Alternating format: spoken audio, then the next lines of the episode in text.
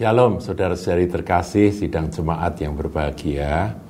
Saudaraku, di dalam suara gembala kali ini saya akan mengajak saudara untuk merenungkan satu ayat yang sangat uh, kuat, ayat ini bunyinya, dan kemudian kita teliti apa penyebabnya dan juga apa hasilnya gitu ya saudara.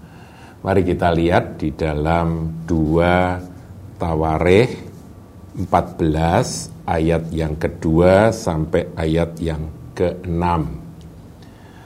Saudara ini tentang Raja Asa. Saya bacakan ayat 2 saudara. Asa, Raja Yehuda saudaraku, melakukan apa yang baik dan yang benar di mata Tuhan Allahnya. Satu ayat ini kuat, saudara. Kalau kita membaca ayat ini, mestinya kita berpikir, asa ini kok sampai dicatat melakukan apa yang baik dan benar. Berarti itu hal-hal yang berkenan kepada Tuhan, dikatakan di mata Tuhan Allahnya. Nah kita mau belajar dari Raja Asa. Sebetulnya kok dia sampai disebut oleh firman Tuhan melakukan apa yang baik dan yang benar di mata Tuhan itu apa saja yang dia lakukan. Nah, ayat yang ketiga menjawab, saudara. Ia menjauhkan mezbah-mezbah asing, itu yang nomor satu. Nanti kita akan coba teliti satu persatu dan bukit-bukit pengorbanan. Itu yang nomor dua. Nomor tiga memecahkan. Jadi bukan hanya menjauhkan tapi memecahkan tugu-tugu berhala.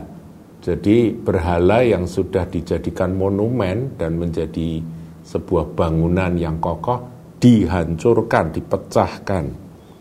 Dan menghancurkan tiang-tiang berhala jadi pada masa itu saudaraku ketika umat Tuhan itu mulai menyimpang dari penyembahan kepada Allah yang benar pada Yodhe Wohe itu mereka terus ikut-ikutan dengan bangsa-bangsa lain saudara.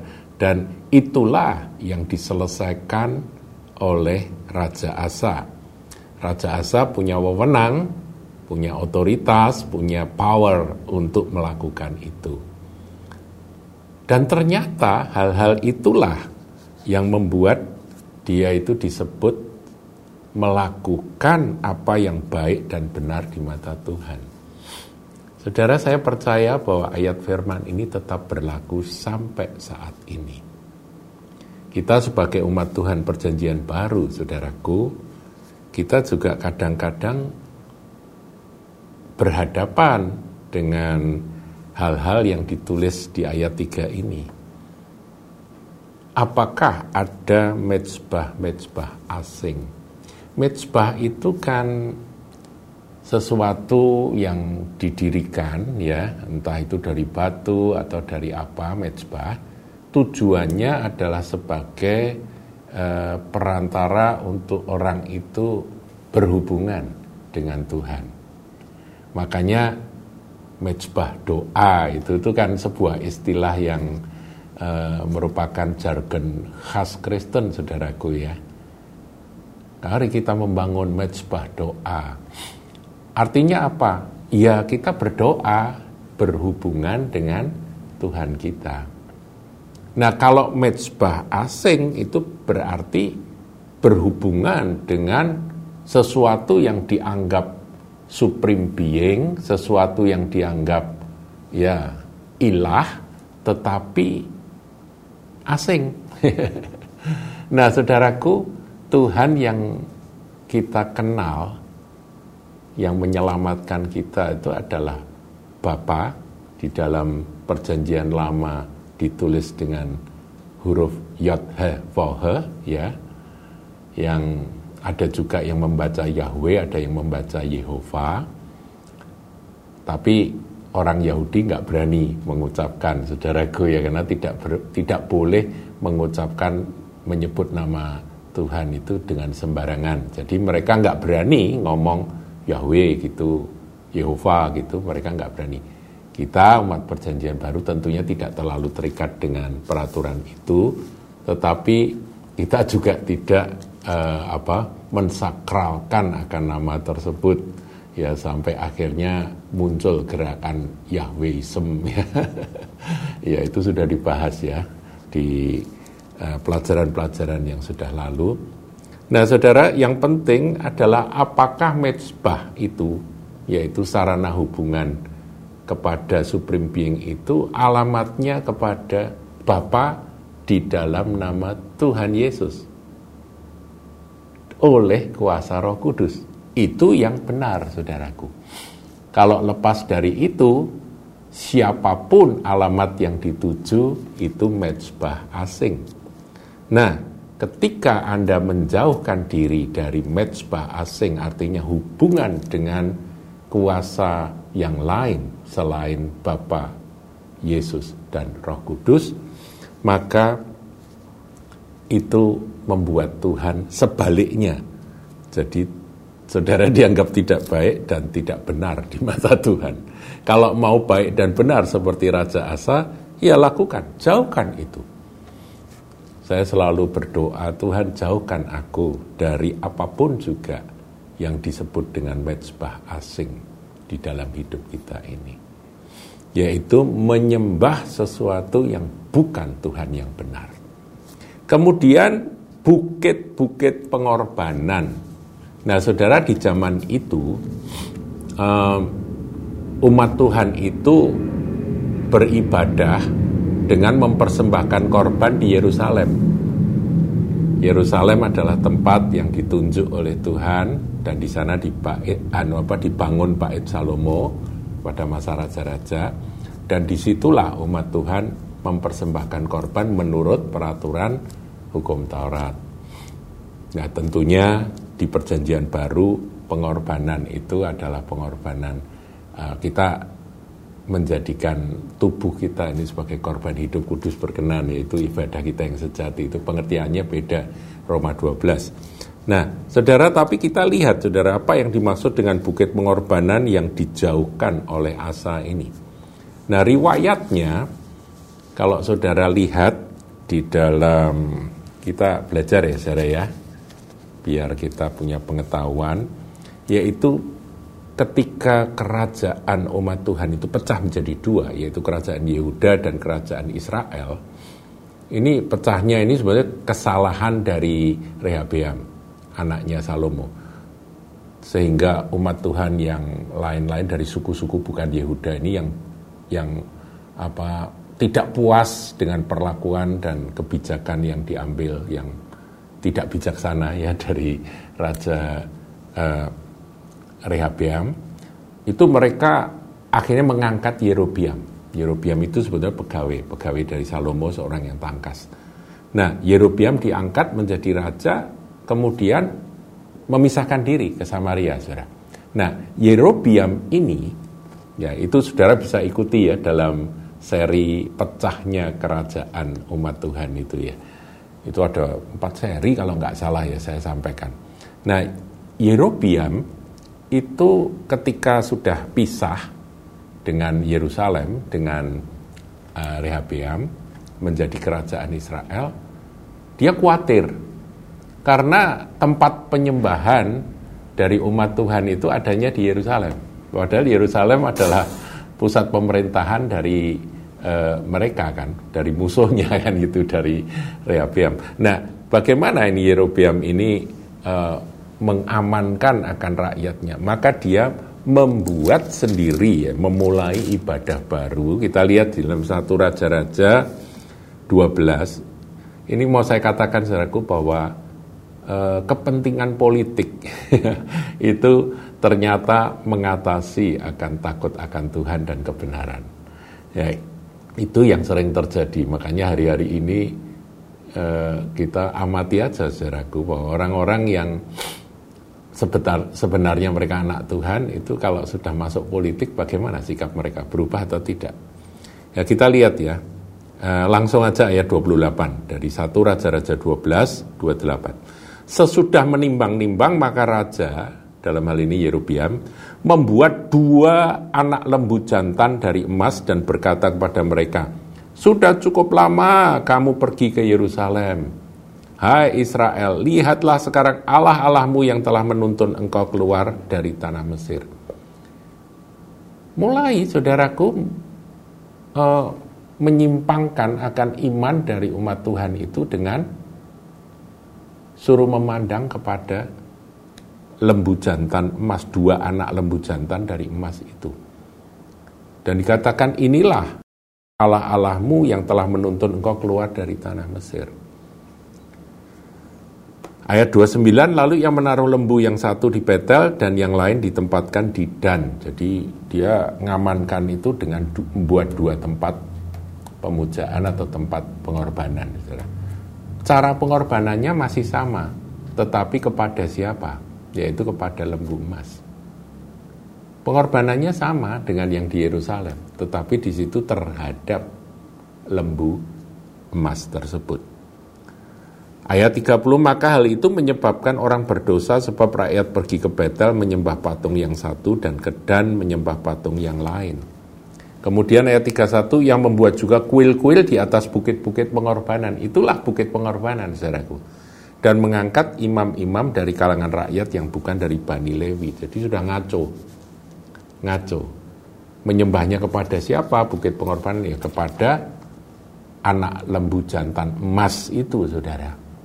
Dan itu adalah kekejian bagi Tuhan. Itu adalah eh, kalau kita riwayatnya pada waktu eh, Musa naik ke gunung kemudian eh, Harun dipaksa oleh rakyat umat Tuhan pada waktu itu untuk membuat lembu emas ya jadinya kemarahan yang luar biasa, murkanya Tuhan. Sebetulnya mau dihabisin itu. Orang-orang Israel pada waktu itu mau dihabisin sama Tuhan tapi dibela sama Musa. Nah saudara, ini yang menyakiti hati Tuhan, bukit-bukit pengorbanan. Ini artinya apa? Ya kecondongan hati kepada yang bukan Tuhan tapi kepada berhala-berhala. Saudara saya tidak membahas tentang pengertian modern sebab ini kalau kalau anu apa mezbah asing tadi saudaraku itu kan kepada siapa mereka berhubungan gitu ya mereka menyembah pada Baal, Asyera dan Dagon itu tiga besar itu ya. Nah ini memang ada uh, yang menafsirkan ya Baal, Asyera dan Dagon itu pengertian rohaninya adalah harta, tahta dan cinta gitu ya. Ya. Ya, saya tidak ke sana. Saya mau mau yang yang letterlek aja, yang hurufiah aja. Yaitu apakah masih ada mezbah asing di rumah Anda? Saudara harus menjauhkan. Apakah ada bukit-bukit pengorbanan? Artinya ada sesuatu yang dipuja. Ya, lembu emas. Sekarang diartikan kekayaan gitu ya itu dipuja. Tapi ini yang yang yang benar-benar ada patungnya yang itu sesembahan ilah asing apakah masih ada di rumah anda? Ya anda berkata ya ini tidak saya puja kok ini tapi itu ada di rumah anda. Yang membuat asa melakukan apa yang baik dan benar di mata Tuhan Allahnya adalah ketika ia menjauhkan mezbah asing dan bukit pengorbanan memecahkan tugu-tugu berhala dan menghancurkan tiang-tiang berhala. Saudara, sebagai umat Tuhan, kita harus belajar untuk menyingkirkan hal-hal yang Tuhan sendiri tidak berkenan. Kita harus singkirkan itu. Dan itu akan membuat Anda pada posisi baik dan benar di mata Tuhan. Kemudian ayat 4, ya jadi tugu berhala dan tiang berhala dihancurkan, dipecahkan. Ia memerintahkan orang Yehuda supaya mereka mencari Tuhan. Ini poin berikutnya. Jadi singkirkan yang bukan kepada Tuhan yang benar. Kalau sekarang kita mau perjanjian baru ya, yang bukan Tuhan Yesus gitu ya saudaraku ya. Itu kita singkirkan, penyembahan kepada yang bukan Tuhan Yesus.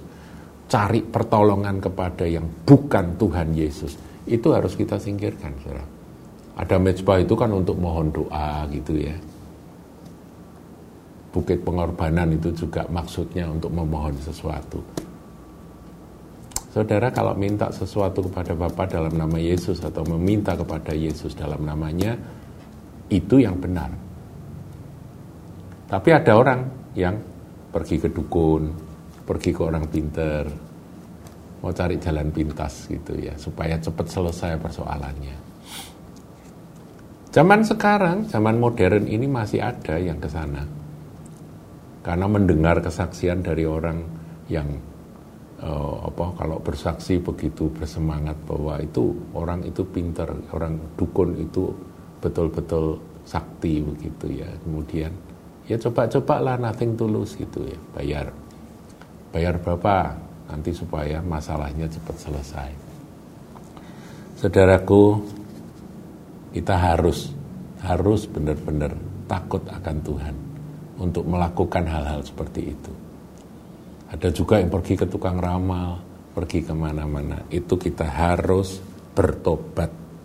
Itu semua ada di dalam kelompok mezbah asing itu.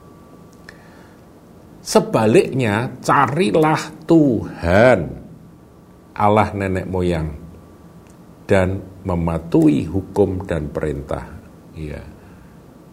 Jadi urutannya kepada iman Abraham dan kita ini anak-anak Abraham secara rohani.